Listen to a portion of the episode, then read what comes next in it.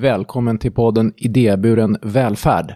Mitt namn är Thomas Tränkner och idag ska du få träffa Thomas Fröberg som är enhetschef för arbetsintegrering. Välkommen hit. Tack. Ja, berätta mer. Vad jobbar du med?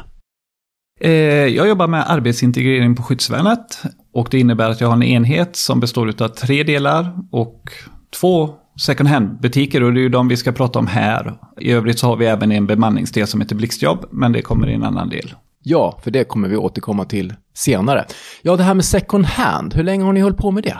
Skyddsvärnet har hållit på med det i, jag tror det är tre eller fyra år. Själv började jag jobba här för ett år sedan. Ja. Men eh, vad handlar det om, second hand? Eh, det är, en, det är en butik, det är två butiker ni har va? Ja, vi har en butik i Nynäshamn och det är den som vi har hållit på med i 34 år. Mm. Eh, och vi startade en ny butik den 19 mars här, 21, i Spånga. Okej, men du, varför håller skyddsvärnet på med second hand butikverksamhet? Jag, jag tror det har många bottnar. Second hand-verksamhet har i många år varit något som organisationer, sociala företag har sysslat med som mm. sysslar med integrering, arbetsintegrering. Mm. Så det bär på två ben. Och sen har ju det naturligtvis med hållbarhet, det ligger rätt i tiden med åter, liksom recycling, miljö etc. Och sen är det väldigt bra verksamhet för arbetsintegrering. Mm. Men vilka är det som jobbar på eh, de här second hand-butikerna? Handledare och samordnare i första hand. Och det handlar ju om att leda människor som har varit långt ifrån arbetsmarknaden på olika sätt. Det är ju så att man kan bli utförsäkrad ur systemen, man kommer inte in på arbetsmarknaden, man kan ha kommit till det här landet och ha svårt att komma in och då finns det olika typer av vägar in till arbetsmarknaden. Ja. Och vi bidrar med en väg in. Mm. Men vad innebär egentligen jobbet att jobba i en sån här butik? För de, de ska vi kalla dem för anställda? Ja, det, vi har både och. Vi har ju så att säga, de anställda är ju handledare ja. Eh, och de är samordnare. I deras roller ligger det egentligen två roller. De ska dels se till att vi har en butik som fungerar bra för konsumenten. Mm. Att det är en schysst butik som man vill komma och handla i. Som man ser lever upp till de mål och den hållbarhet den säger sig stå för. Ja. Men den andra halvan av deras jobb är ju också att kunna hjälpa människor att få tillbaka den makt de behöver för att kunna komma in på arbetsmarknaden. Mm. Och då är det ju struktur och handleda i, det kan ju vara så enkelt som, eller enkelt, det kan handla om att börja ta sig till ett jobb. Ja. Och där står vi och tar emot. Och då pratar vi om, vad vi ska säga, butikspersonalen, eh, där handledarna är, är den ena delen och sen, ja, de som jobbar där om man säger. Ja, precis. Och, och det blir ju då att de som kommer som det heter deltagare, för ja. så ser vårt system ut idag.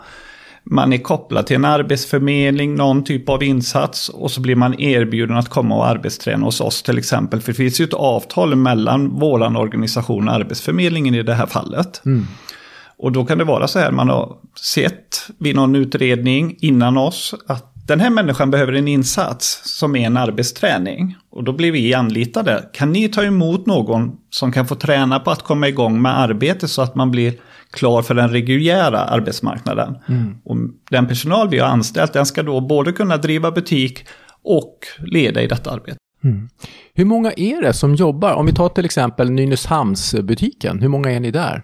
I Nynäshamn så har vi en samordnare och vi har en handledare. Men så har vi 30 stycken deltagare som arbetstränar där. Mm.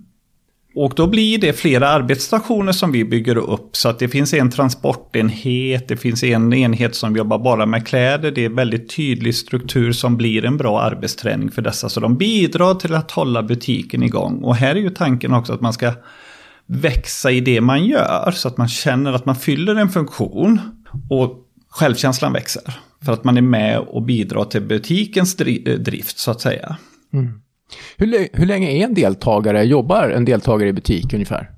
Det hänger ihop väldigt mycket med, det är individbaserat. Beroende på hur långt ifrån arbetsmarknaden du står så behöver du olika lång tid för att komma närmare arbetsmarknaden. Ja, så det kan vara allt ifrån några månader till kanske eh, mer än ett år? Eller? Det finns så korta tider som kanske 12 veckor. Ja. Sen gör man en utvärdering. Personen kanske är redo, kanske har mm. hittat ett jobb och går vidare direkt till ett reguljärt jobb. Det kan gå i vissa fall upp till ett år. Mm. Det hänger mycket på, ihop med vilken problematik som ligger bakom. Mm. För oftast är det ju fler saker som ska redas ut under resans gång förutom arbetsträningen. Mm. Men eh, ni tar ju hand om ja, begagnade saker och säljer dem. Går det bra? Alltså frågan är, säljer ni något? Eh, absolut, det är en förutsättning för att vi ska kunna överleva. Ja. För att här blir det liksom en fråga. Det ena är intäkter där, det andra är intäkter på det vi säljer. Så vi måste vara duktiga på att driva butik. Vi måste ja. locka ja. till oss människor. Och det är ju också en tillväxt för de som är hos oss. Ser de att vi har kunder, ja men då gör vi någonting bra. Men de som jobbar här, de deltagarna, eh, om du vad, vad, vad, tror du de känner efter att ha jobbat i butik? Hur utvecklas de? Kan man hitta någon sån här äh, saker som de flesta upplever som positivt eller utvecklande? Jag kan ta ett exempel med en deltagare som vi har haft här nu en tid. Och det visade sig att äh, för att kunna sälja i vår butik så måste vi nå konsument. Och det har inte varit vår starka sida. Vi har varit rätt duktiga på att göra en fin butik, den är jättefräsch, men hur får vi människor till butiken? Kunder menar du eller? Ja, ja som handlar, ja. kunder. Då har vi försökt kommunicera via sociala medier och så mm. vidare. Och vi la ut våra amatörfoton, vi tog lite kort här och där. Ja. Så upptäckte vi, det här håller inte. Så hade vi en, en deltagare som var jätteduktig på att ta foto. Och så fick han nischa i det. Och då såg vi dels en ökad försäljning, ökad eh, kundtillströmning när vi fick ut det här. Och samtidigt fick vi en kille som växte som människa. Och eh, det kommer i det då liksom kunder som kommer till oss som är professionella undrar vilken PR-byrå anlitar ni?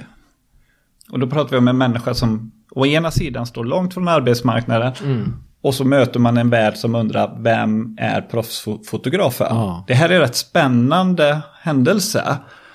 Och idag så jobbar han hos oss eh, och blivit anställd och är fotograf. Det kan man säga är en resa som tar fart.